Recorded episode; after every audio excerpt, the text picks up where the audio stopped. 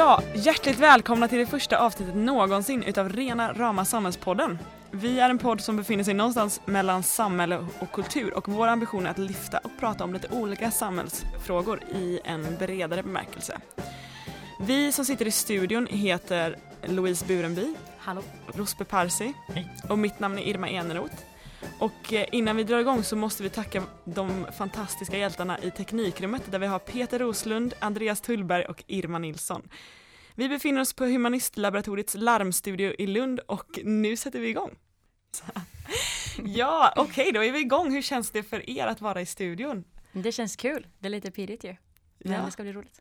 Mycket spännande. Mycket spännande. Ehm, ja, idag så kommer vi börja med att prata om en bok som ni två har läst. Och vad Yes. heter den boken? Eh, Prekaritet 2.0 av Ivor Southwood. Spännande. Något kort om vad den handlar om? Den handlar om arbetsmarknaden idag och vad den gör med människan. Mm.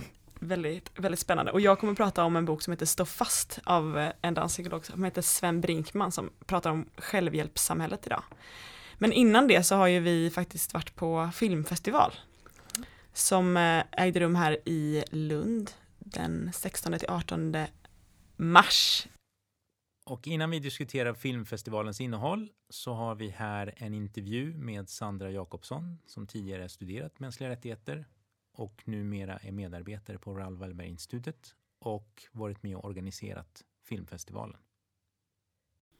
Urvalet är så att vi... eh, Det här är ju liksom en lång process också ska tilläggas. Vi jobbar ju redan med nästa års eh, filmfestival. Vi har ju ett samarbete med Biograf Kino i Lund som är väldigt drivna och sugna på detta. Eh, och det är väldigt praktiskt för de är typ 50 meter från vårt kontor. Så vi, eh, vi möter upp med liksom deras chef varje år som väljer ut och gallrar filmer. Det finns ju en hel del filmer. Ehm, så hon är liksom filmnörden i det hela som väljer ut bra filmer. För det är också viktigt att säga att vi vill ju inte bara visa tråkiga dystra dokumentärer om saker utan ändå filmatiserade bra grejer. Och, eh, och då sitter vi och kollar på, liksom relaterat till liksom aktuella MR-frågor. Eh, och det kan liksom vara svårt att, även som MR-vetare, och ändå känna att man, det här är liksom mina hjärtefrågor i allting jag gör, men ändå att man inte i slutändan kanske gör någonting fysiskt praktiskt. Ehm, och det kände jag själv under filmfestivalen, att man ändå satt där och grät ett barn. Mm. och bara så här, det här systemet är fruktansvärt. Jag måste göra något. Ehm, så då... ehm, Så det är ändå fascinerande hur man själv reflekterar och liksom sitter där och bara nej, när jag kommer hem då ska jag anmäla mig till första bästa svenska kurs och bara hjälpa folk som kommit hit och jag måste fan förändra mitt liv nu och bli en bättre medborgare. Och då, är, då, har jag ändå, då jobbar jag med de här frågorna dag ut och dag in.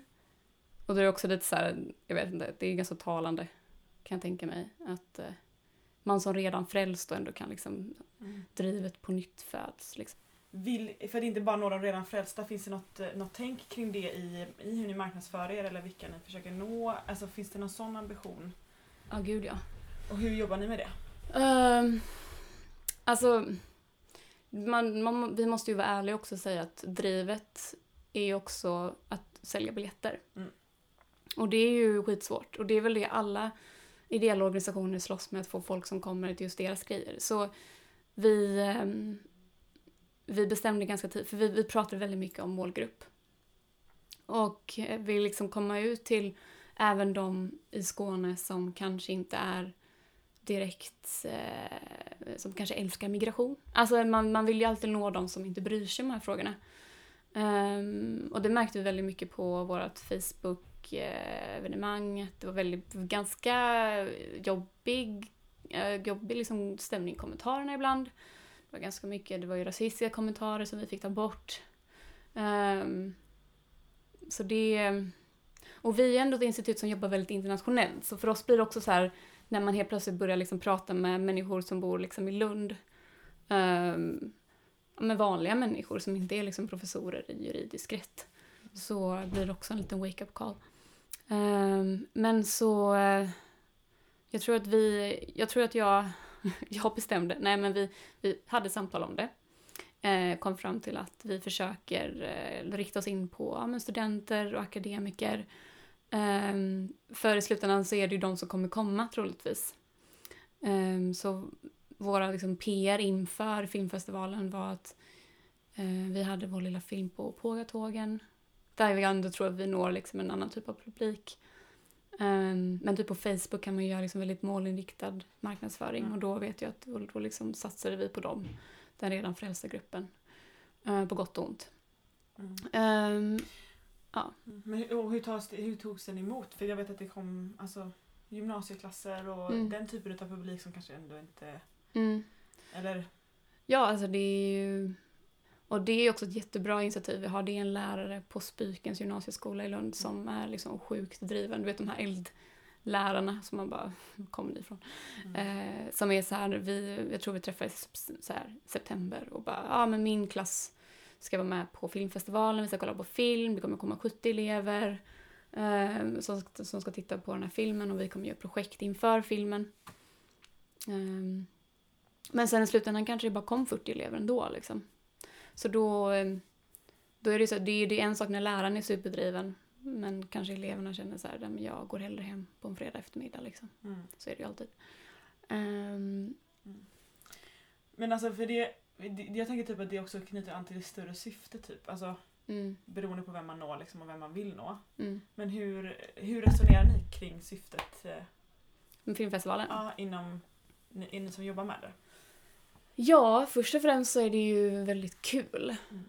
Ehm, jag måste ju också sätta in det större perspektiv. Nej, men institutet jobbar ju med så otroligt... Vi på kommunikationsavdelningen, vi är två pers som sköter kommunikationen externt och internt för 80 anställda, varav hälften befinner sig utomlands. Så det är, filmfestivalen är en väldigt stor del av vårt år, men det är samtidigt också eh, ja, men en liten del av det stora. Alltså det är ju... Det är ju eh, så personligen så tror jag att det är då institutet också känner att man är liksom på plats i Lund och får möta människor i Lund. Liksom. Eh, men syftet är ju självklart att belysa mänskliga rättighetsfrågor Mm. eh, genom film. Och det är liksom... Eh, jag tycker att det är ett av de bästa sätten. Det är ju det vi satsar på, att inte bara visa en film och sen bara hej då. Men utan alltså ha liksom bra rimliga snack efteråt som också sätter det här problemet i större perspektiv. Ja, men ta fram lite siffror, ny forskning eh, som gör det relevant och också så intressant. Och vad jag också känner att det var ju väldigt många filmer som var väldigt jobbiga att titta på. Ehm, det var ju som så här, det var ju inga upplyftande filmer, alla filmer vi hade var ju ganska deppiga. Och då var det skönt med ett snack efteråt för då kunde man lite ventilera ut sin frustration och lite lämna salongen med lite hopp. Det var en, en fråga jag tyckte var så himla, inte korkad är ju fel att säga, men ändå så här, jag bara, men jaha, det trodde jag alla visste. Och det var en film som berörde eh, afrikanska migranter till Europa. Liksom. Mm. Och då var det en pappa med två barn som blev utvisad från Frankrike. Ehm, och då var det någon i salongen som frågade bara, men hur, är det här liksom, är det här verkligen på riktigt? Kan folk med barn verkligen bli utvisade? Och då var det så här, man bara, Men det säger också någonting om behovet tänker jag. ja, Alltså att den frågan dyker upp och typ att ni har nått rätt målgrupp. Eller förstår du Ja. vad jag menar? Eh, Men det här med hur ni tänkte kring valet av att det var många filmer om typ nynazism och eh, mm. alltså den typen av rörelser i Europa. Ehm, jag tror att det bara blev så. Mm. Ehm, min personliga favorit var ju Golden Dawn Girls. Mm. Den var ju liksom, alltså unik på så många sätt. Och den belyser ju neonazistiska rörelsen i just Grekland. Så det... Det görs väl kanske inte tillräckligt många bra människorättsfilmer heller. Mm. Ska ju sägas. Defin- Definitivt inte featurefilms. Utan det är jättemånga dokumentärer som också är det så här... Vill man betala 110 spänn för att gå och se den på bio? Mm. Så det måste ju också... Det, det måste ju möta den liksom konstnärliga delen Mm. och den också liksom hjärtefrågan i det. Precis, I många lag. Ja, hur resonerar ni kring urvalet med dem ni, ni bjuder in till samtalen? Ja. Ehm, det ska ju först och främst vara någon som är uppenbarligen insatt på området. Mm. Gärna akademiskt, som ska ha det som sitt liksom, forskningsområde. Vi brukar ju ofta ha regissörer med. Mm. Nu var det bara en regissör i år. Eh, men annars så, eh, vi har också eh, rekryterat målmedvetet och har majoritet kvinnor. Ehm, så det tror jag var första gången i år som vi hade mer kvinnor än män. Gött. Ehm, men sen i allmänhet en person som är karismatisk och intressant att lyssna på. Men som säger bra grejer. Eh, filmfestivalen är ju då en eh, rätt intressant blandning, förvisso väldigt tunga ämnen, men blandning mellan spelfilm och dokumentärer. Och vi har alla sett några avsnitt eller några filmer, eh, bland annat då Golden Dawn Girls som är en dokumentär som handlar om några av de ledande kvinnorna i Gyllene gryning, den grekiska nyfascistiska rörelsen som vunnit segrar i, i olika val. Eh, och även filmen This is our land, Chez som handlar om ett liknande tema fast i spelfilmsform i den franska kontexten, nämligen Font National. Eh, och sen har det också varit en massa andra filmer som rör allt från Afghanistan till Myanmar. Golden Dawn Girls är en rätt intressant film just därför att den är ju så lågmäld i vissa avseenden. Det är en norsk dokumentärfilmare som på något vis lyckats få förtroendet hos eh, en av de här kvinnorna, dottern till ledaren för Gyllene gryning, för att helt enkelt följa med eh, och titta på eh, medan de jobbar och hennes och de andra kvinnornas roll i det här partiet. Framförallt då när männen hamnar bakom eh, mm. lås och bom. Mm. Precis, det är en spännande vinkel på det för det handlar ju då om dels den här dottern till ledare men också till fruar till de här männen som varit och är ledare inom partiet och hur de liksom tar över fanan när de sitter inne. Och han försöker verkligen, som du säger, komma nära dem och försöka förstå sig på vad som, vad som händer, hur de känner och hur de tänker, vad som driver dem i den här politiska frågan. Och jag tycker att den, det är en jättebra film och den är intressant så för att den börjar så blir man nästan lite så att man tycker att det är fånigt därför att det är så irrationellt liksom det de håller på med och man tycker att den politiska diskussionen är, är bisarr liksom men sen så förstår man allvaret i det och hur, hur starkt de tror på det här och hur farligt och, och våldsamt det är liksom och hur, hur de eldar upp sig i den här liksom, politiska diskussionen. Så den, den är snygg att följa liksom och den eh, får en att tänka på både det som händer men också på sig själv och hur man ser på de här frågorna. Liksom. Ja, och eh, det är ju ett parti som så att säga vunnit eh, i både parlamentsval och på gatan. Eh, och i det avseendet så är det också intressant för att den visar ju på spänningen när han kommer dem nära att våldet finns där hela tiden någonstans i bakgrunden. Så att även om de klär upp sig och går till parlamentet och så vidare, och så, vidare så har man också den här äh, gatuslagskämparna liksom. Det elementet finns där. Eh, och det är intressant för det finns ju också i den filmen som handlar om Front National. Mm.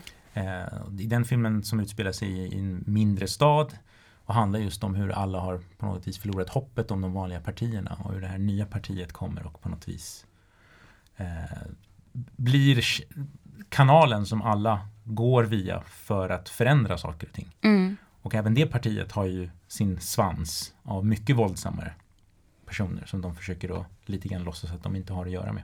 Precis, det brutala finns hela tiden underliggande i båda de filmerna och hur, hur allvarligt det är och just det här, den kriminella bakgrunden i det men också att man just då försöker, försöker rent få sig från det och vara professionell och mycket så att man ju har en, en agenda som är kraftfull liksom, att man drivs av det mycket. Så, ja. Mm. Och Sandra var inne på en sak som jag tyckte var ganska intressant, eh, eller eh, hur de pratade fritt om det i den här filmen om Golden mm. Girls, att, om deras agenda och vad de håller på med och tänker. Mm. Och eh, att hon kände att, de behövde, de, att de inte censurerar sig själva, förstår de inte mm. att detta kommer nå ut liksom. Men att det finns ändå, det finns en sån radikal annan inställning till vad det mm. eh, betyder det de säger. Liksom. Mm. Jo men det är jätteintressant. Och jag tror att det är något som man sitter kanske och som vi inte riktigt ser här utan vi lever lite skyddade ifrån hur liksom uppeldad den debatten är. Så där kan man säga det och det tas emot och välkomnas snarare än att det blir att man ryggar tillbaka från det. Så det är också intressant att verkligen få se det hur de hela den mentaliteten är så djupt rotad så för dem är det inte ens konstigt liksom. Mm. Och i, i, slutet av Golden Dawn Girl så kommer han ju nära den dottern där och liksom börjar försöka gräva djupt i henne men att hon liksom då bara slår ifrån sig allt det här och, och verkligen så bara jag står upp för det här. Det finns inga tveksamheter och inga nyanser i mitt tänk och det är mycket det det bygger på att det inte finns utrymme för de kritiska liksom, tankarna kring det hela eller ifrågasättande eller nyansering. Då. Det blir lite grann en han har en föreställning om anständighet som han tror ska få henne att på något vis öppna upp sig och erkänna att det finns saker som som görs i partiets namn som hon på något vis inte vill um, ja, identifiera sig med. Medan hennes uppfattning om, anständighet är ju en annan. Så att hon slår ifrån sig och säger nej men jag har ing, det finns inget här att skämmas för. Liksom, utan det här, är, det här är vad vi är, det här är vad vi gör. Hon, Det, det är du som hela tiden har förhoppningar om någonting som, som vi inte Mm. liksom, Hon behöver liksom inte, hon ställer sig bort, bortom allt det här liksom. Hon Mm. anser inte alls att det är någonting hon behöver tänka på eller ta hänsyn till eller så. hon är och det är intressant. dottern till Precis, dottern. Mm. Ska vi dra tillbaka till festivalen? Vad, Mm. vad tar ni med er liksom om det, i det konceptet? För att ni har ju varit där och, och gått på några filmer och även suttit med på samtalen efteråt. Vad tycker ni är festivalens styrka i liksom en samhällelig mening då? Mm. Men jag tycker det är, jätte, det är ett jättebra initiativ och de är så väldigt medvetna i hela den här processen att de vill visa filmer som belyser nu då aktuella ämnen och många filmer här handlar just om högerextremism liksom och nationalism. Och det är någonting som jag tror att man måste lyfta och prata om och att använda filmen som ett forum för det är ju jättebra. Och eh, de har varit medvetna med att eh, göra reklam på väldigt så allmänna platser för att inte bara nå ut till människor som redan är väldigt insatta i de här frågorna och, och jobbar med MR eller pluggar mänskliga rättigheter eller så. Det tycker jag är bra och också att de ehm, då avslutar varje film med ett samtal om de här frågorna och har då tagit in olika personer med expertis på det området. Och det är också någonting som i allmänhet tror jag är bra, att man liksom tillåter att det finns en frågestund, liksom att man inte utgår från att folk kan saker och att man också öppnar upp att folk ska få fråga saker. Mm. Så det tycker jag är jättebra eh, och kul att se. Och det som också var intressant tycker jag att på eh, en av filmerna som vi såg så var det en gymnasieklass där ifrån Norrlunds gymnasieskolor och också hur, eh, hur den här diskussionen om mänskliga rättigheter och de här typen av problem liksom lyfts och hanteras i skolan. Eh, det är någonting som inte alls pratades om när jag gick på gymnasiet för bara några år sedan. Liksom. Så att de här frågorna liksom tas upp och att man vågar möta de här ämnena då och förhoppningsvis så, så jobbar de med det i skolan. Det är en intressant grej. Och också hur samhället då liksom samspelar och kan man använda olika forum för att nå ut med budskap. Mm. Ja, det visar ju också på mänskliga rättigheter har liksom både blivit mycket bredare i, i, i vad folk förstår det som. Inte det här bara smala juridiska liksom. Mm. Men också att det har blivit mycket mer spritt i meningen att det, det pratas om det i många fler forum. Jag kan ju möjligtvis tycka att, att eh, det hade kanske, det, det är kanske mer liksom jag som lärare känner. Sen vet man inte om en publik skulle vilja liksom sitta där så länge. Men man skulle kanske nästan vilja ha ett litet samtal innan filmen. Mm. För att, det är också en, att sätta sig in i en kontext på något vis. Alltså, Särskilt för spelfilmerna Mm. som då inte kan ha så mycket pekpinnar, det är en spelfilm. Att, att man, som den filmen om Frankrike, där är det kanske för bra att veta lite grann just om hur, hur stort Front National har blivit på landsbygden. Eh, har många borgmästar så att säga, positioner. Eh, har inte bara så att säga, misslyckats med att ta presidentposten utan lyckats i många regionala val. Mm. Så att man liksom på något vis får en uppfattning om, om hur stort det här egentligen är. Bortom huvudstaden så att säga.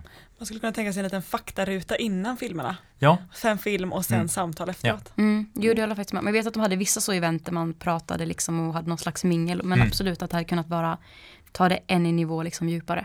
Och det som bara slår mig nu är just det här med att eh, med mänskliga rättigheter och hur det sprider sig och hur det liksom eh, vidgas i hur man ser på det och vad man tänker på det som. Är också att det finns kanske en, eh, vet inte om man ska kalla det risk, men just att det blir väldigt politiskt inom den här filmfestivalen då. Att det är mycket så en politisk liksom, inriktning på det. Mm. Och jag vet inte om det kan vara bra eller dåligt, men som eh, intervjun då med Sandra som har jobbat med att ta fram den här filmfestivalen nämner hur mycket rasistiska kommentarer de fått om den på sin eh, Facebook-sida.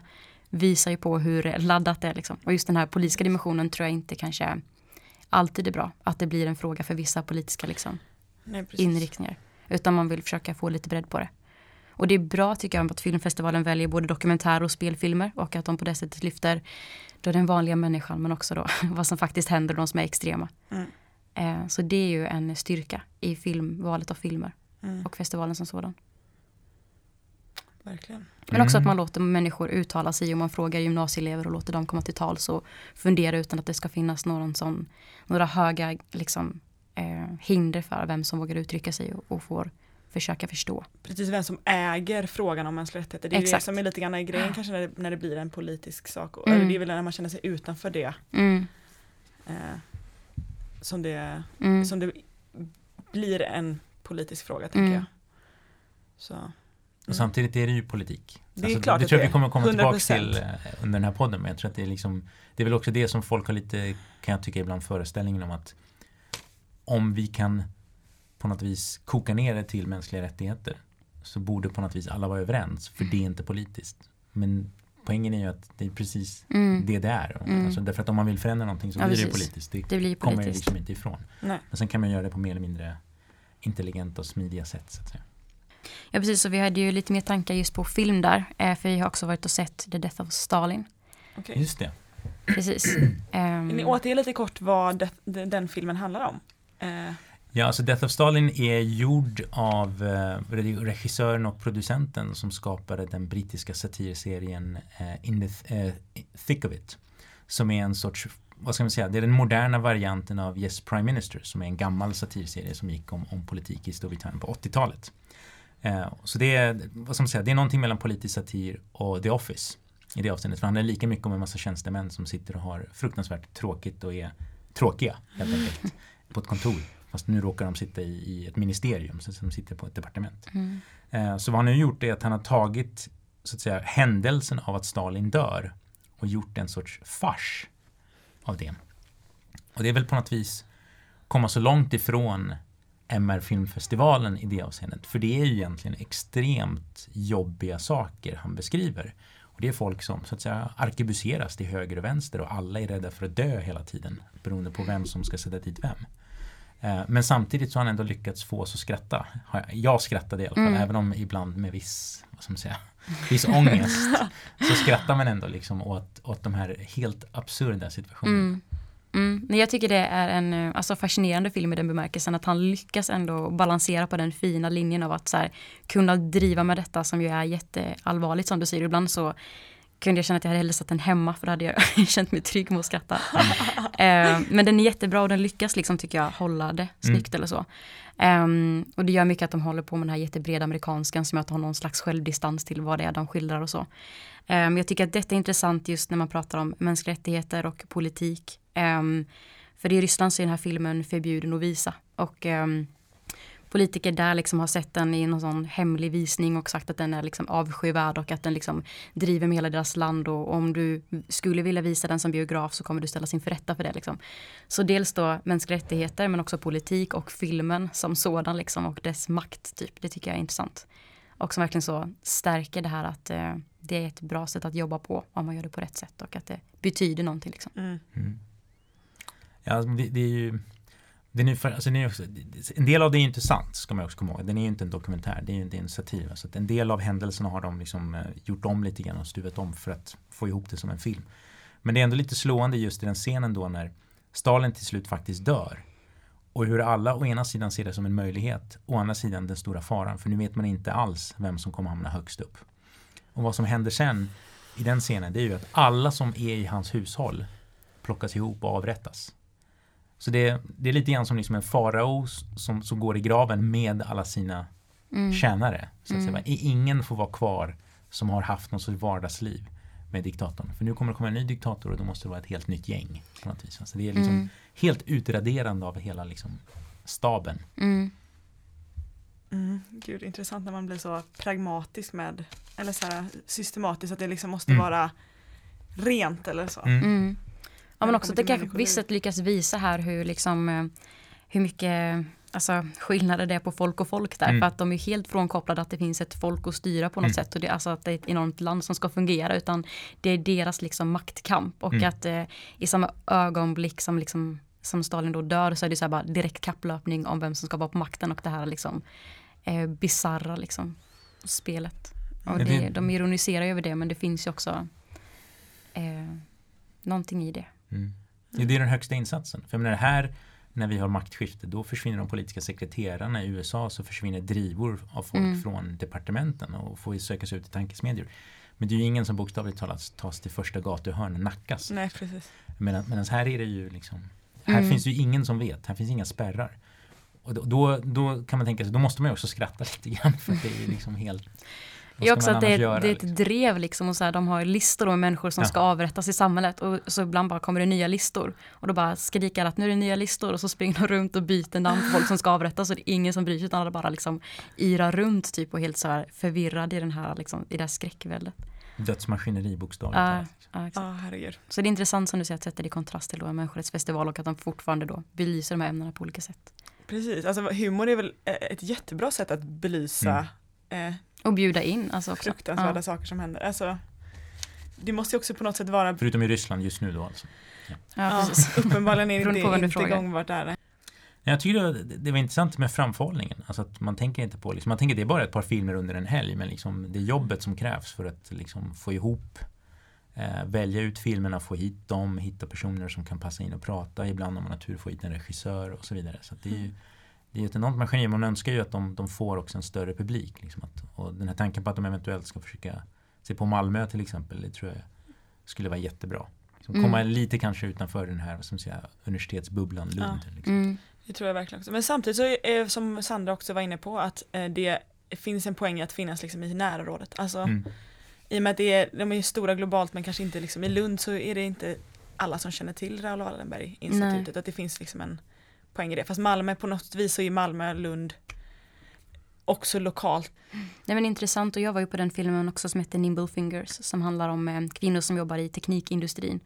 Och att det är ett helt extremt och hårt arbetsklimat och så. Då hade de ju regissören här och det var också bara så häftigt att få lyssna på honom och den extrema så här respekten man kände för honom, allt jobb han har lagt ner och liksom det här Ja, man fick en helt ny inblick i alltså dels då allt jobb men också så hur, hur mycket, så här, mycket folk som brinner för de här frågorna liksom och verkligen så arbetar hårt för detta. Och man kände sig väldigt nära de här människorna genom att, att ha honom där och lyssna på honom. Och det var också en fantastisk film som eh, representerar dem själva väldigt fint som personer.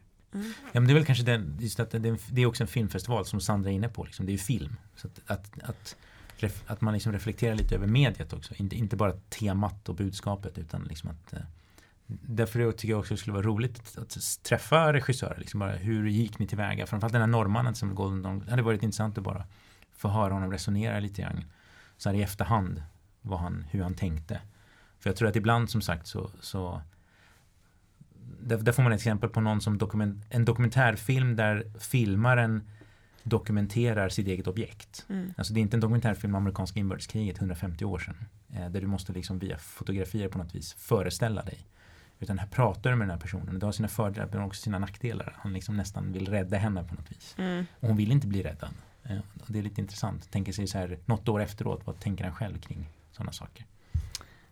Ja det är jätteintressant. eh, Eller typ, det är intressant för att eh, jag tror också Sandra var inne på det med alltså, att man kan känna typ att det inte finns man vet gärna vad man vill göra men man kanske inte vet exakt vilket redskap man skulle kunna använda typ för att göra Mm. skillnad. Och då Mm. tänker man att film är ett sånt redskap. Och jag menar i, i det här fallet som du tänker med den här norska reg- regissören i Golden Dawn Girls.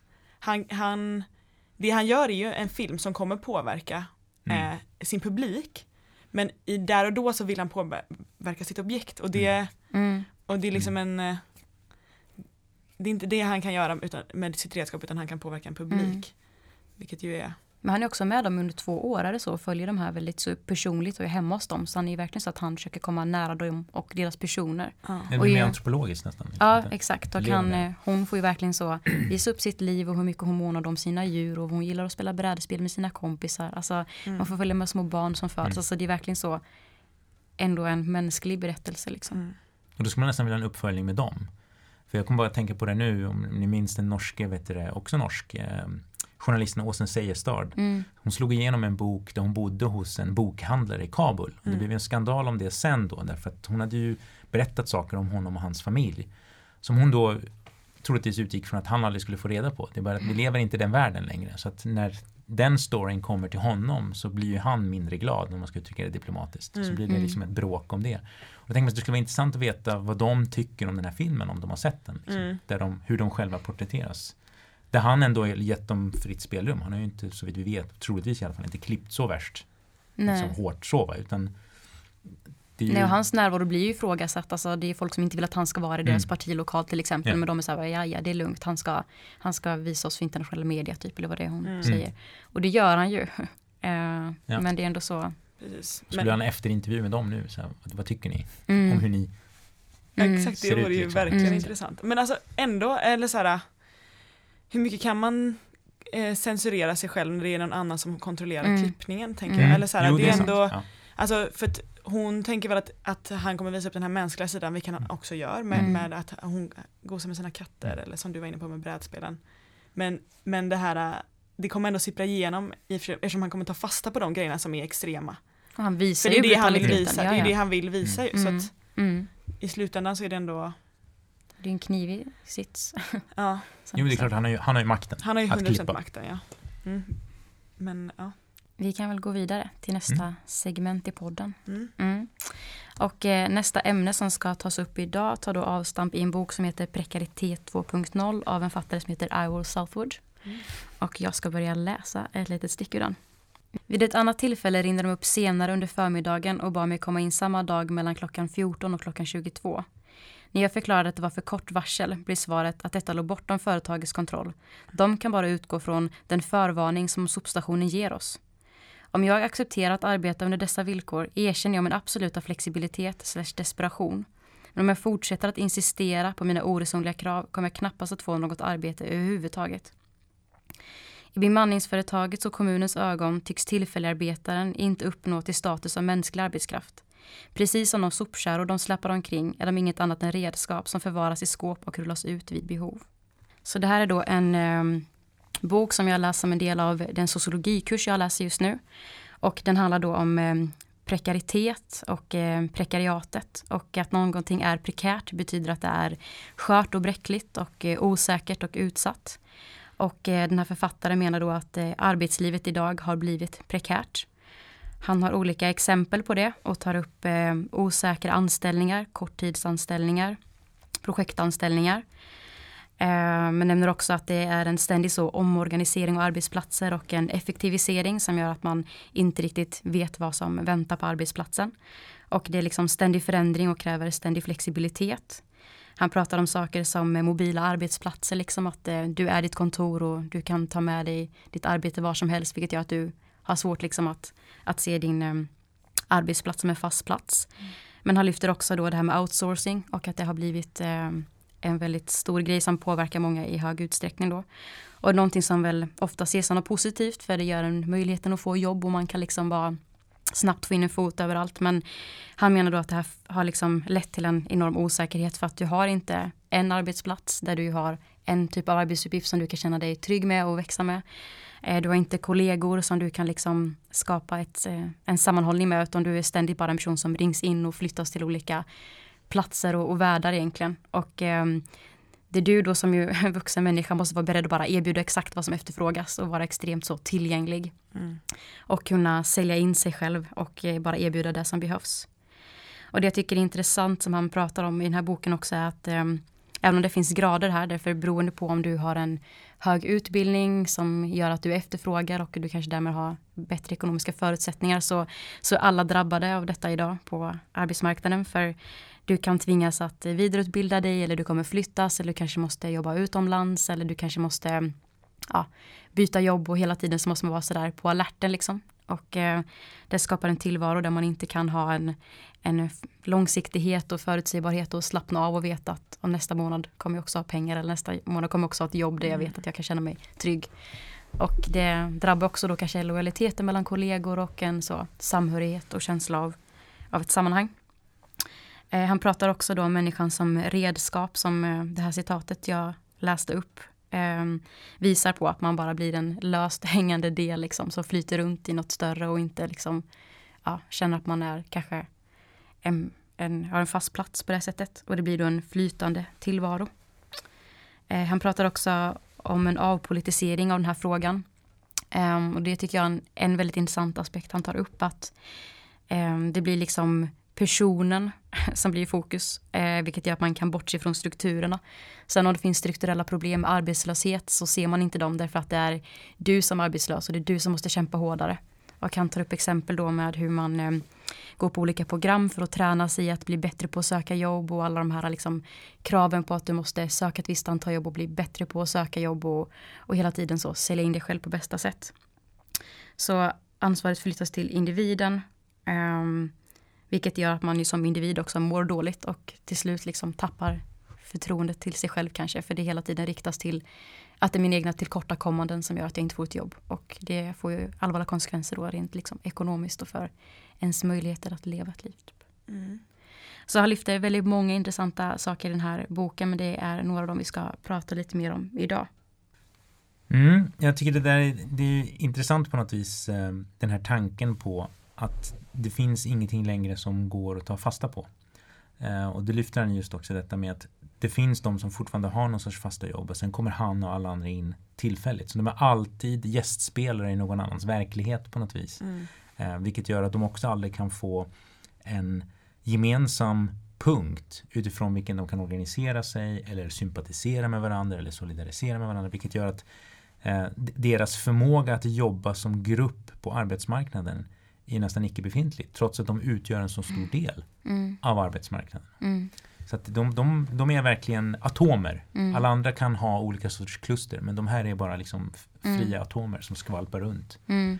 eh, på något vis. Precis, så författaren har ju mycket egen erfarenhet av att, att befinna sig i den här situationen då. Ehm, och att han berättar just om hur det blir, eh, ja men man blir, man blir ju maktlös liksom och eh, han pratar om att det blir som en, eller han upplever det som en strukturell osäkerhet som gör att eh, den här desperationen då, eller flexibiliteten, att de blir liksom synonyma, att det, utnyttjas liksom. För arbetsgivaren kan ställa vilka krav som helst för att du är så desperat i behov av ett jobb att du ställer Mm. upp på det. Och till slut så bara försvinner man som person. Men vilka, för ni är inne på att, de här, att man är som atomer som flyter runt. Vilka är det som ingår i den här gruppen?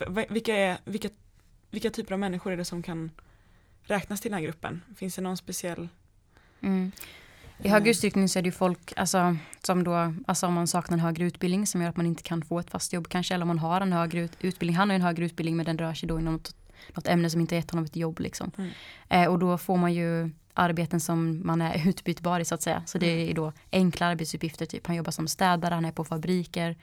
Eh, så det är mycket den typen av jobb där man kan slussa människor in och ut och du behöver inte, det är väl också en del i det här som gör att det känns meningslöst att eh, du behöver aldrig så de behöver inte satsa på det i kompetensutveckling därför att nästa vecka så är du ur, ur den här bilden liksom. Vilket gör att allting känns väldigt så meningslöst uppfattar jag det Mm. så. Jag menar, man kan tänka så här också att menar, de flesta kanske tänker på säsongsarbetare, de tänker på bärplockare. Men, men poängen är att det där har nu spridit sig till en massa andra yrkeskategorier. Eh, och genom att ge folk den här typen av kontrakt så kommer du undan en massa arbetslagstiftning också. Mm. Därför att de här rättigheterna som finns, de är byggda på att du har någon form av långsiktighet i arbetet. Men om du är anställd en vecka så hinner du aldrig åtnyttja eh, vad ska man säga, rätten till semester eller, och så vidare eller sjukförsäkring via jobbet. Och all, inget, av det, inget av det där gäller ju dig i så fall.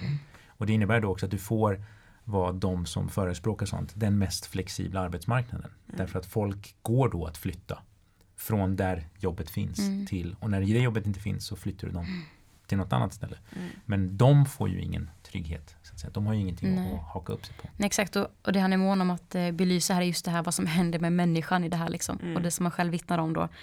Ehm, just de här bara mänskliga behoven av att känna en samvaro och liksom hur ska man orka eh, organisera sig eller stå på sig arbetsrättsligt när du har fullt sjå med att söka jobb inför nästa månad. Exakt. Alltså den här extrema otryggheten liksom. Och han skildrar ju också då hur den här liksom otryggheten i mitt eget liv sprider sig och blir liksom lägger sig över hela ens tillvaro liksom och gör att man ser faror i samhället överallt. Mm. Ehm, Men också typ att man inte kan eh, stanna i någonting tillräckligt länge för att liksom eh, kanske lyfta eh, andra i samhället utan det handlar hela tiden om att själv Mm. måste man komma Mm. framåt mm, och man måste hela tiden som du är inne på typ söka nästa jobb mm.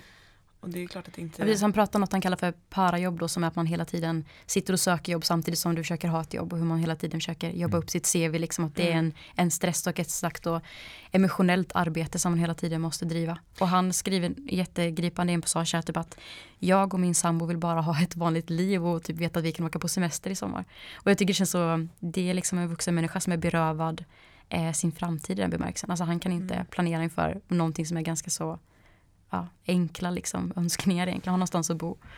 Alltså, ja, eller vad tänkte du? Nej, jag bara tänkte, alltså, det, det underminerar ju hela den här idén också om att det finns progression på något vis. Han är Mm. inte liksom 20 och vet inte vad han ska göra. Han är typ 30 någonting, Mm. han har en utbildning. Men liksom boken är ju på något vis, det, det är som en, en, ett, ett moln av ångest. Därför det finns ju ingenting egentligen som han kan Både han och flera av hans vänner som han påpekar, de bor ju fortfarande hos sina föräldrar eh, och så vidare. Och det, är ju, ja, man får en känsla av liksom att alla de här idéerna om att med åldern och mer erfarenhet och bla bla bla, någonting som liknar en karriär. Det finns ju inte eh, med, med de här förutsättningarna. Liksom. Och det är ändå människor som har varit eh, aktiva och försökt att ta sig Mm. framåt och liksom tar sig för saker och, och, och det borde löna sig men det gör det inte i det här systemet. Nej. Men eh, det jag tänkte säga var på vägen hit faktiskt så såg jag en reklam för eh, en högskola. Eh, och så stod det bli inte något, bli någon. Mm. Och det tycker jag är, så här, ringar in typ exakt Mm. den här strukturen. Mm. Alltså eh, att du hela tiden är ditt jobb på något sätt. Mm. Eh, du, kan inte, du kan inte komma ifrån att du måste utveckla ditt CV, du, Mm. måste, Mm. du måste vara unik som, Mm. Och det här fokuset på individen ju. ja men verkligen. Mm. Eh, Mm. Och att eh, sticka ut i, sitt, i sin liksom flexibilitet. Alltså inte, inte att du har ett yrke, ett yrke och du har ett liv vid sidan av utan du är ditt yrke. Mm. Och du är mer spännande för att du är flexibel. Och du är Mm. mer spännande för att du är ditt yrke också då. Mm. På det sättet. Jag har tänkt jättemycket på det. Så jag befinner mig i en situation nu där jag har sökt mycket jobb. Liksom så här. Mm. Jag känner hur jag då läser vad, som, vad de efterfrågar för den här platsen och så liksom ändrar mitt CV och försöker nischa in mig på det och till slut sitter man där och känner sig helt liksom, vem är jag ens liksom? Eller så här, Mm. för att det förväntas att man ska vara så himla nischad på någonting speciellt och man ska vara lite så speciell och kunna erbjuda dem det där Mm. extra liksom. Jag tänker att om någon skulle sammanställa alla mina olika ansökningar så skulle det vara en skev person som ju bara är så här allt och ingenting och det, men det förväntas av mig liksom och jag inser jag har blivit expert på att läsa av vad de vill ha mig. Ja. Så jag sökte ett kaféjobb för en kedja. Det verkligen var så här jätteutstuderade frågor där de bara ser att alltså jag är inte alltid där men jag har lärt mig att Mm. vilja, alltså jag vet vad de vill ha mig. Och då kan jag svara på frågorna ut efter vad de frågar, inte vad jag är. Och det är liksom så som man lär sig att hantera typ arbetsmarknaden. Och det tycker jag är så, Mm. det är intressant. För någonstans så blir man väldigt då frånkopplad vem man är och vad man ska göra. Han säger ju det någonstans att, att eh, det är ett system där allt är personbaserat men inte personligt. Exakt. Så Mm. det, det är liksom det är individen Mm. men det finns ju, men tilltalet är fejkat Mm. personligt. Liksom, va? Därför att jag det är tycker ingen det är så intressant för det är som att man har förstått att vi bryr oss om människor och det personliga Mm. och det finns någonting i det som vi människor vill ha. Eh, och så använder man det då för att tjäna pengar eller liksom kunna Mm. driva på den här diskussionen. Och just det som han tar upp också att han har liksom drabbats av en politisk struktur liksom. Men att den är omöjlig att kritisera därför att den är personifierad liksom. Och han pratar ju om att eh, de här outsourcingsföretagen och de företagen som tar hand om de människorna som står utan jobb, de har liksom privatiserats. Så människor tjänar ju pengar på att han är arbetslös liksom. Mm. Ehm, och hur han känner sig helt maktlös i den situationen. Ja, folk kanske inte tänker på det, för man tänker liksom privatiserade fängelser liksom är dramatiskt i USA, men det här är ju en mycket, mycket större marknad. Mm. Och det är ju, han är inne på det, det är, lite, det är en sorts motreaktion och då kan man fråga sig hur mycket det egentligen stämde, men det är ju delvis en motreaktion mot idén att om alla bara går till a-kassan så blir de passiviserade. Så nu ska vi liksom aktivera alla Mm. eh, och då ska de på det viset liksom, och det måste då vara individbaserat. Men det blir ju Mm. inte liksom individbaserat. Utan Nej. det blir, ju, det blir ju, det enda du får då är hjälp till självhjälp. Mm. Och då blir det ditt Mm. ansvar igen. Liksom. Precis, han skildrade att det finns en individualistisk modell som går ut på individen men det är att alla ska passa i den också. Mm. Så det är så här liksom, det är så motsägelsefullt och det är en inbyggd paradox i det där liksom. Ja men alltså på något sätt, eller jag bara för att återgå till dina CVn där, att de liksom inte stämmer överens.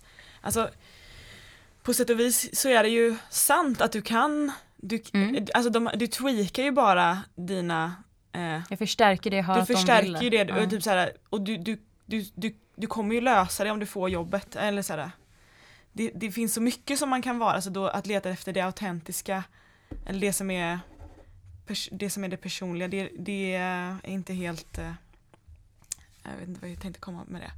Men, men det är i alla fall inte helt, du ljuger i alla fall inte i dina CVn utan Nej, du, nej. bara, Ja. du bara tweakar det. Jag, Nej, jag bara tänker, å andra sidan kan man säga så här att skulle man verkligen ha alla de kvalifikationerna som ofta efterfrågas, då skulle de ju tycka att man är överkvalificerad.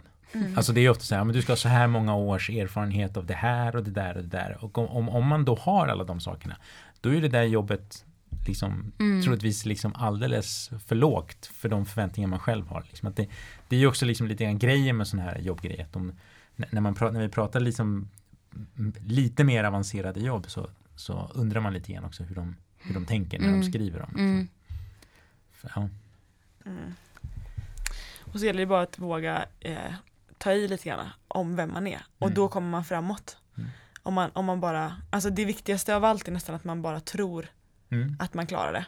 Det, det är en väsentlig egenskap snarare än det praktiska. Mm. Men du var, ju, Kunskapen. du var inne på det igår när vi pratade, på tal om det. Eh, eh, om detta med när folk, de här bönderna som lever på, så att säga, på en säsongsbetonad skörd, just det. hur deras IQ i tester är så att säga högre då. Det, vill säga att det har att göra med självförtroende. Med självförtroendet så, så tror man att man kan mer och då kan man mer. Ja, Och framförallt så förmedlar man till andra att man kan mer. precis. Och om man förmedlar till andra att man kan mer i ett samhälle där man hela tiden byter jobb, då Mm. får man fler jobb och då kommer man framåt och Mm. då med blir det man tryggare. Så blir man imponerande. Ja. Mm. Så att jag menar, det finns ju, det är liksom som en snöbollseffekt på Ja, det är också en helt annan arbetsmarknad då. Förr var man på en arbetsplats länge och utvecklades där. Men Ja. nu räknar man att folk byter liksom var tredje år. Mm. Och jag vet inte, men jag kände också bara att jag inte alls passar in i den mallen för att jag har inte så, alltså jag skulle aldrig våga, alltså man vågar inte säga för mycket liksom. Måste bli mer amerikansk. Ja, precis. Mm. Eller bara mer snubbig. Ja, för jag upplever att mina 100%. killkompisar har en helt annan, eh, alltså ett helt annat självförtroende. Men, det. eller kanske inte ett annat självförtroende men alltså det är faktiskt det är liksom en utifrån eh, personlig empiri, alltså man kanske får liksom vara ödmjuk inför vad det betyder men att så här, när jag pratar med tjejkompisar om jobb Mm. som man söker så är det så oh, jag hade nio av tio kvalifikationer, Mm. eh, jag sökte inte jobbet. En Mm. kille, jag hade en, att, eller typ att det är så könsrollerna syns, oj, Mm. eh, just genom tro på sig själv. Men det är ett uttryck liksom för hur man har uppfostrats och lärt sig Ja. förhålla sig till. Och det känner jag typ att om det är någonting jag strugglar med nu så är det typ inte vad jag gör utan det är hur jag tror på mig själv i det jag gör. Mm. Mm. Eh, eller hur jag tror på min förmåga att göra det jag gör. För det sätter sån hinder. Mm. Nej men så, så mycket av det som eh, den här boken kretsar kring är då hur det har blivit liksom en fråga om individen och individens tillkortakommanden och allt det liksom tyngden som, som läggs på en utifrån den här arbetssituationen. Och han betonar mycket här hur det handlar om du ska sälja dig själv, du ska vara ditt bästa varumärke. Du måste kunna vara flexibel och du måste kunna anpassa dig och, och passa in till det här. Och eh, just den här pressen som det lägger på individen att man hela tiden ska utvecklas och vilja framåt. Och det är ju väl förankrat i det då som du ska börja prata om Irma, som handlar om eh, självhjälp. Precis. För att jag har också läst en bok inför eh, idag. Det är nämligen en dansk psykolog eh, som har skrivit en populärvetenskaplig bok om självhjälpskulturen. Det var inte bestämt från början men man bara inser att det, de här eh, temana gifter sig väldigt bra. För det handlar precis om den här eh, samtidens maniska utvecklingsimperativ och att det hela tiden att det hela tiden går ut på att eh, bli bättre och bli en uppdaterad upplaga av sig själv och att det absolut värsta man kan göra som människa är att stå still och inte röra sig framåt. Eh, Så det Sven Brinkman har gjort då är att han skrivit en, man skulle kunna kalla det en ironisk självhjälpsbok där han har en sjustegsmetod för hur man ska bli bättre på att eh, stå fast, alltså att inte Mm. utvecklas. Mm. Ehm, och det redskapet som han använder sig av för att skriva den här boken det är gamla stoiska tänkare. Så att han har inte rakt av tagit stoicismen som är en eh, gammal filosofi. Filosofisk strömning, ja. Filosof, ja precis. Eh, Brinkman tar några av de här redskapen. Men det är lite olika vilka, vilka redskap han tar fram så jag tänker att jag, vi tar dem allt eftersom. Mm. Eh, Mm. utan jag, istället så tänker jag bara rent krasst gå igenom de sju stegen som Brinkman presenterar. Eh, och det första är att man ska sluta känna efter i sig själv. Det andra är att man ska fokusera på det negativa i sitt liv. Eh, man ska ta på sig nej-hatten i det tredje. Det fjärde är att man ska hålla tillbaka sina känslor. Det femte är att man ska avskeda sin coach. Det sjätte är att man ska läsa en roman och inte en självhjälpsbok eller en biografi. Och det sjunde är att man ska dröja kvar vid det förflutna. Alltså mycket av detta är ju... Stick i stäv. Ja, men Ja, det är fantastiskt. Och typ också när jag läste den här boken så kände jag eh, hur färgad jag är utav min Mm. samtid på något sätt. För Mm. typ så här, vissa saker var bara så, oh, det kändes liksom i magen Nej. typ att så här, nej, jag måste ju röra mig framåt. Och, och man blir så himla varse om att så här, det läskigaste som finns är att stå fast, precis som Mm. han är inne på. Eh, så det passar väldigt bra ihop med, i alla fall med den här eh, Mm, jo diskussionen om att stä- ständig utveckling och att, man, och att man aldrig riktigt kommer ifrån att man är sitt jobb på något sätt. Eh, bli någon, inte något.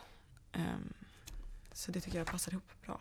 Mm, just det. Och, och som Southwood skriver om att man liksom så här febril overksamhet, liksom, att man så springer och springer och springer men vad är det man liksom är ute efter? Alltså det blir ett bara konstant liksom rusande genom livet som Mm. inte, när man är väl inne i det där så känns det ju som att det är svårt att få stopp på det liksom. Mm, verkligen. Och en annan sociolog skriver om det som heter Rosa, ju det här med accelererande samhälle, att allting liksom bara rusar och det finns någon slags eh, inre kretslopp i det som gör att det bara liksom, det är självgående liksom. Mm, Och det är svårt att få stopp på. precis. Och Eh, han lyfter verkligen att vi måste sätta ner foten. Ja, alltså Brinkman utgår ju just från samma Mm. rosa där. Och vad heter det, i, speciellt i det här kapitlet som heter Fokusera på det negativa i ditt liv. Mm.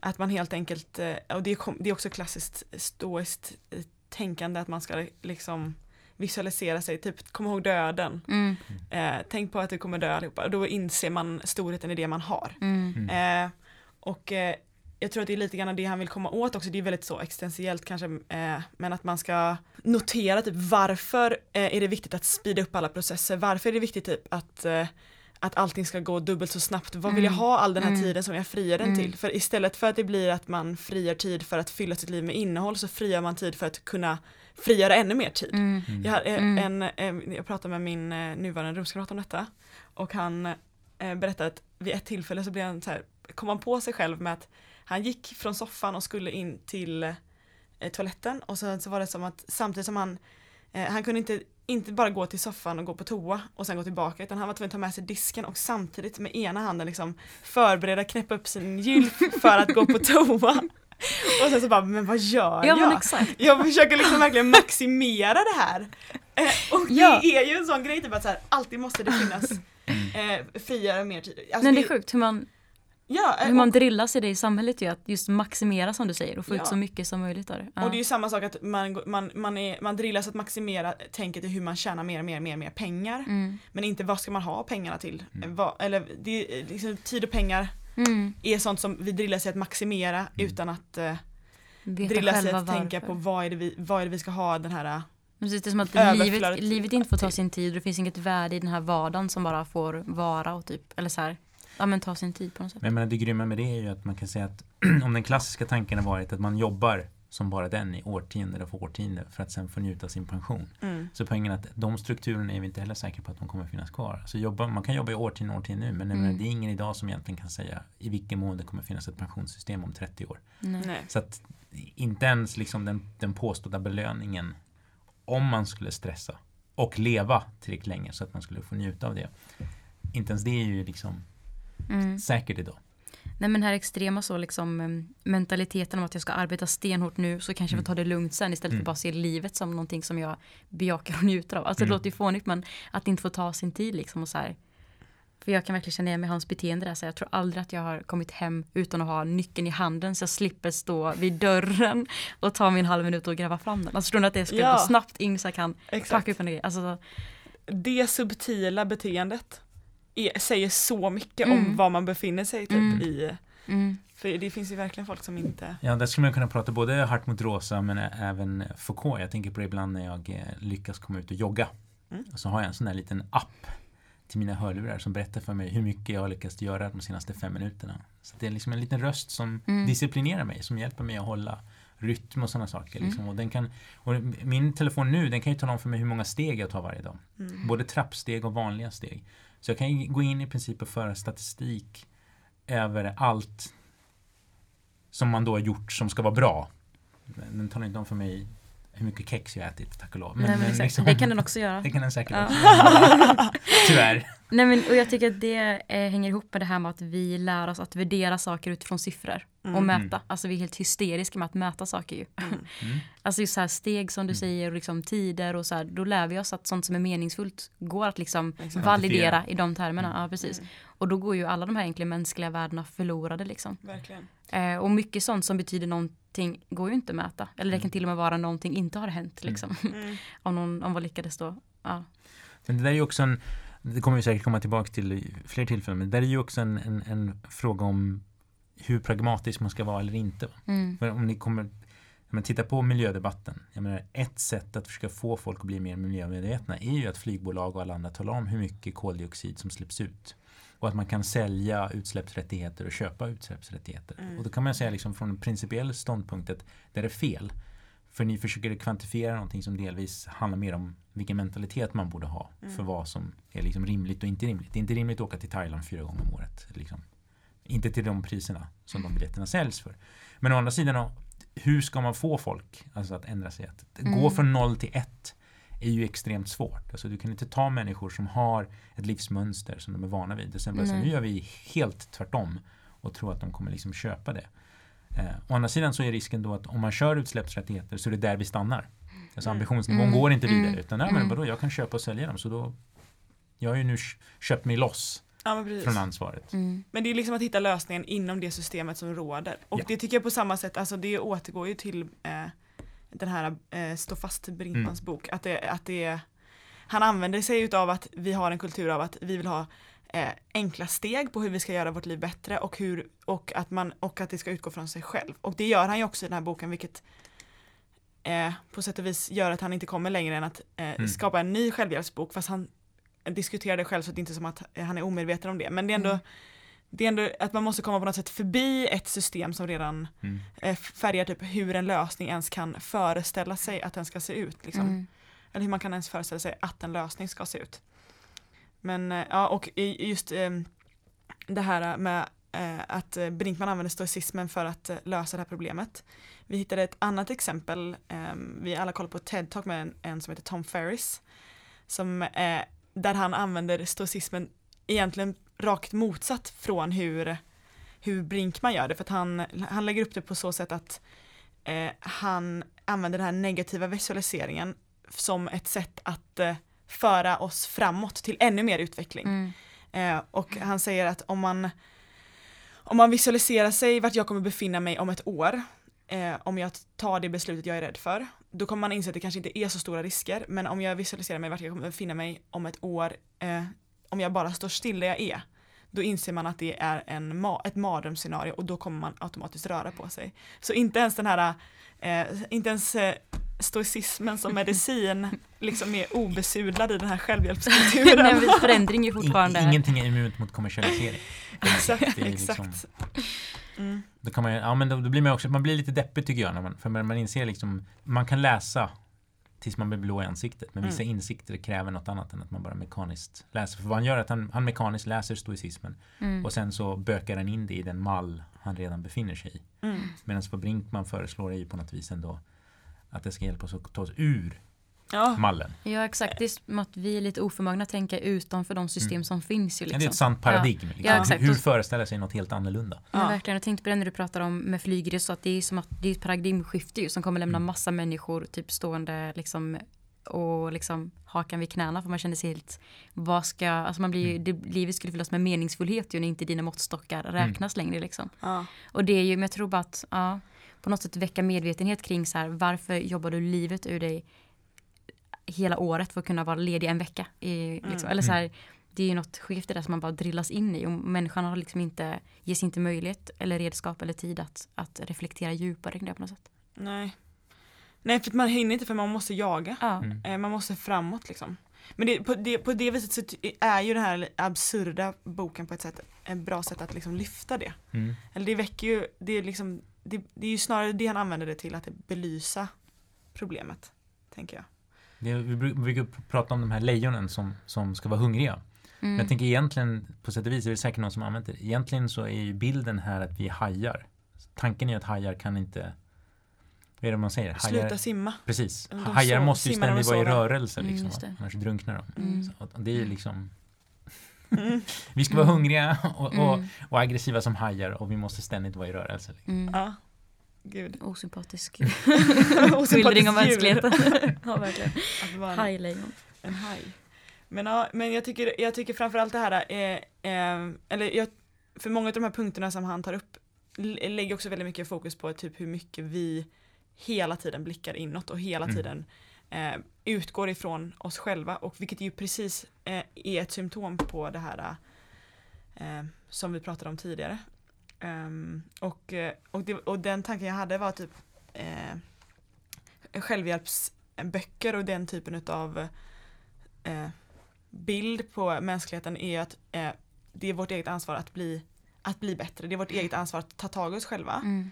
Vilket ju eh, i viss mån, det finns väl någonting i det, men, men det det också skapar är också att det, det är också vårt eget ansvar eh, om vi misslyckas. Exakt. Mm. Och att det inte finns någon, eh, någon att det, man blir liksom inte insatt i ett större nät eller vad man ska kalla det. Man, man är så frånkopplad det fastän i själva verket så finns det en ett kom, alltså typ hela livet är ganska disku- vi komplicerat. diskuterade detta lite igår, då nämnde du det här med att man är ju också någonting i sitt sammanhang. Ja, 100 procent. Så det är sällan en person som är en framgångssaga i sin egen lilla person, Mm. utan man är ju någonting tillsammans med alla andra. Ja, Men den här kollektiva tanken försvinner ju liksom på vägen här. ja Och den blir liksom inte värdefull.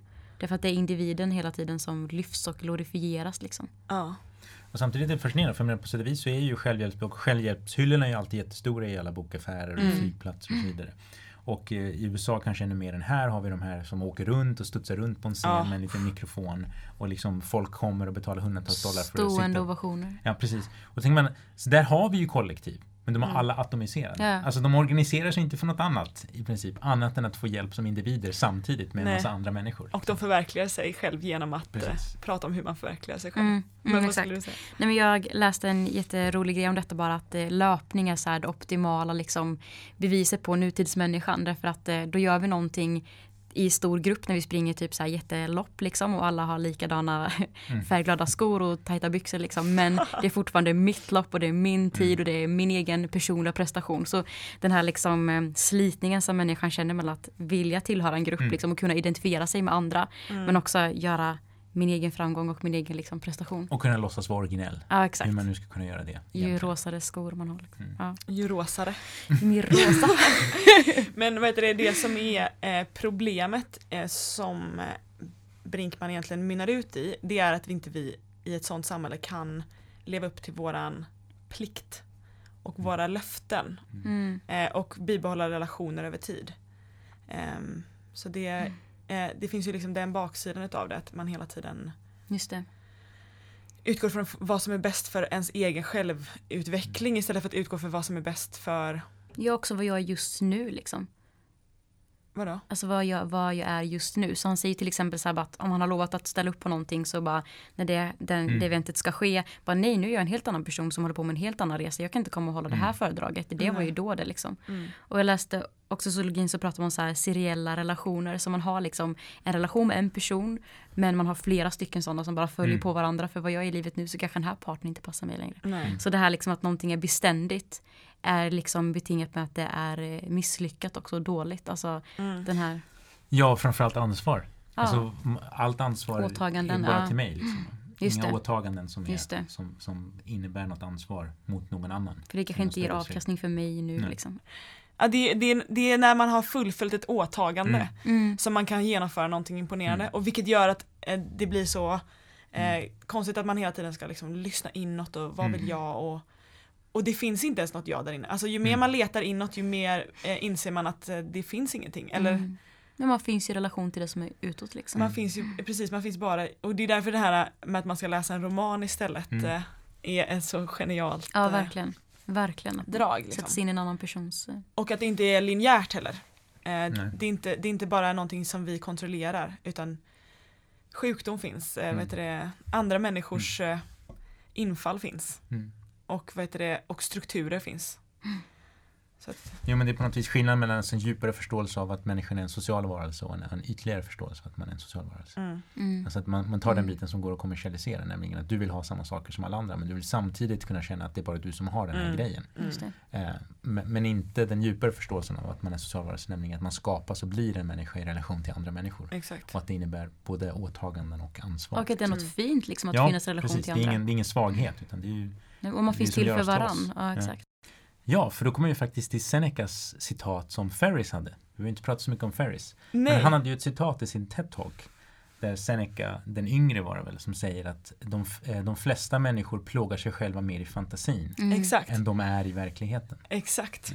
Seneca var alltså en romersk statsman, filosof och eh, skribent. Han skrev även eh, teaterpjäser som levde ungefär vid år noll. Mm. Han föddes fyra år före Kristi födelse. Eh, och är väl en av de mest populära romerska tänkarna och stoikerna. Okej, ett citat som både den här Tom Ferris, den här självutvecklingscoachen på TED eh, och Sven Brinkman har gemensamt, det är att de eh, tar fasta på eh, det stoiska tänkandet i att skilja på vad man kan kontrollera och vad man inte kan kontrollera. Och det i sig är ju väldigt intressant utifrån många aspekter. På hur vi ser på oss själva, för just nu känns det som att man ser på sig själv som att man kan kontrollera allting. Och när man blir sjuk så är det så, oj men gud det här, Mm. Mm. Eh, jag har inte tid att vara sjuk. Eller så här. Nej, och det här kalkylerandet vi var inne på tidigare kan vara ett sätt att försöka få, alltså Mm. bringa någon slags ordning i ens liv. Och saker som vi inte kan kontrollera skapar jättemycket oro. ju. Alltså tänk ju Mm. så här rent kroppsliga saker som om man är sjuk eller man är med barn. Det känns jättefrämmande för, Mm. för vår människa liksom. Ehm, Skapar ångest. Ja, jättemycket. Och samtidigt så är det ju så att menar, en del av de här strukturerna som vi har ångest inför därför att vi inte kan påverka dem känns som är ju de som vi borde försöka Mm. påverka. Mm. Snarare än att lägga det på det här personliga planet. Mm. Där liksom, det är självutveckling det handlar om. Mm. Kanske hade varit bättre att, att försöka organisera eh, ett sätt för till exempel Isherwoods Mm. arbetskamrater att just kunna vara arbetskamrater.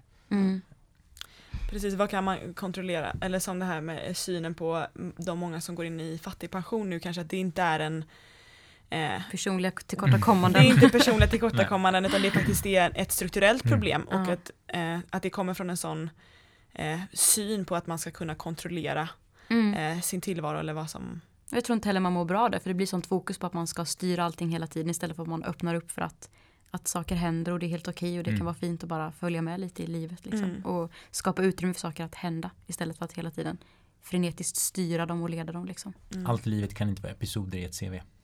Nej. Nej, men du var inne på en till eh, poäng med typ hur den här, det här tankesättet om att eller vi har förskjutit vår syn på vad vi kan kontrollera och inte kan kontrollera.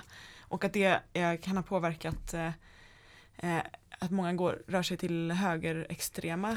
Eh. Ja, precis. Att vi, vi pratade i början här av eh, programmet om hur alltså, högerextremismen verkligen får fäste. Liksom. Och det känns som att det är det kan gå kopplat till att man ser att de verkligen vill agera och det känns som att de är väldigt så här, de är ju raka och lätta svar som man kan ta till sig. Det finns liksom så här, känns som det finns något handelskraftigt i det som attraherar folk då man känner sig lite så förvirrad och vill ha en tydlig riktning. Alltså här är verkligen klarspråk där man kan ringa Mm. in liksom med politiska debatten att det är det Mm. det handlar om. Mm. Så det finns ju som att det är som att det är en allmän liksom, samhällstrend som manifesteras i olika forum på olika sätt och får olika liksom, konsekvenser. Och det där bara rusar liksom, utan man har kontroll lite för vad det påverkar och hur det ges uttryck. Men det går ändå att se att det är kopplat till det här. Mm. Det syns ju, alltså, om man går tillbaka till eh, perioden mellan första och andra världskriget så är det precis det som gör att många, de här både en del så att säga kommunismen men också framförallt då fascismen och så småningom nazismen får sin, sitt, sin, sin stora uppsving. Det är ju därför att alla de gängse sätten att förstå vad som pågår har misslyckats. Mm. Och alla de gängse sätten att försöka göra någonting åt ekonomin, arbetslöshet och så vidare. Alla de är, de har inga svar. Eh, De står handfallna. Och sen kommer de här som marscherar i led och liksom har möten och manifestationer. Och det handlar inte alltid nödvändigtvis om att de faktiskt har en vettig lösning, för det hade de ju inte. Men de kan ge intrycket av och de samlar folk och de agerar. Och Mm. agerandet Mm, blir ett självvärde, Mm, ett exakt. egenvärde. Att Precis. kunna visa att man kan agera. Mm. Eh, och då får man med sig folk. Mm. Ja, Då det. kan man inte heller då om man är dotter till ledaren kritisera eller nyansera det utan då är det bara att köra på. Liksom. Nej, men nyanser, eller nyanser är precis det som eh, hot. Första som åker ut. Alltså det är det Mm. första som åker ut ja. Mm. Ja, det var allt vi hade för dagens program utav Rena Rama Samhällspodden. Eh, och det finns mycket som går att spinna vidare på och vi kommer att återkomma till de här ämnena i framtiden. Och då kan jag passa på att säga det att förutom oss tre som suttit i studion idag så är vi faktiskt eh, tre personer till som är med och gör den här podden. Gemensamt för oss är att vi alla har studerat eller på något vis hållit på med mänskliga rättigheter här på Lunds universitet och det var också så vi träffades. Så tack så hemskt mycket till Klezmerkalaset som gjorde våran fantastiska jingel och vi hörs igen nästa gång. Ja, tack så mycket. Tack!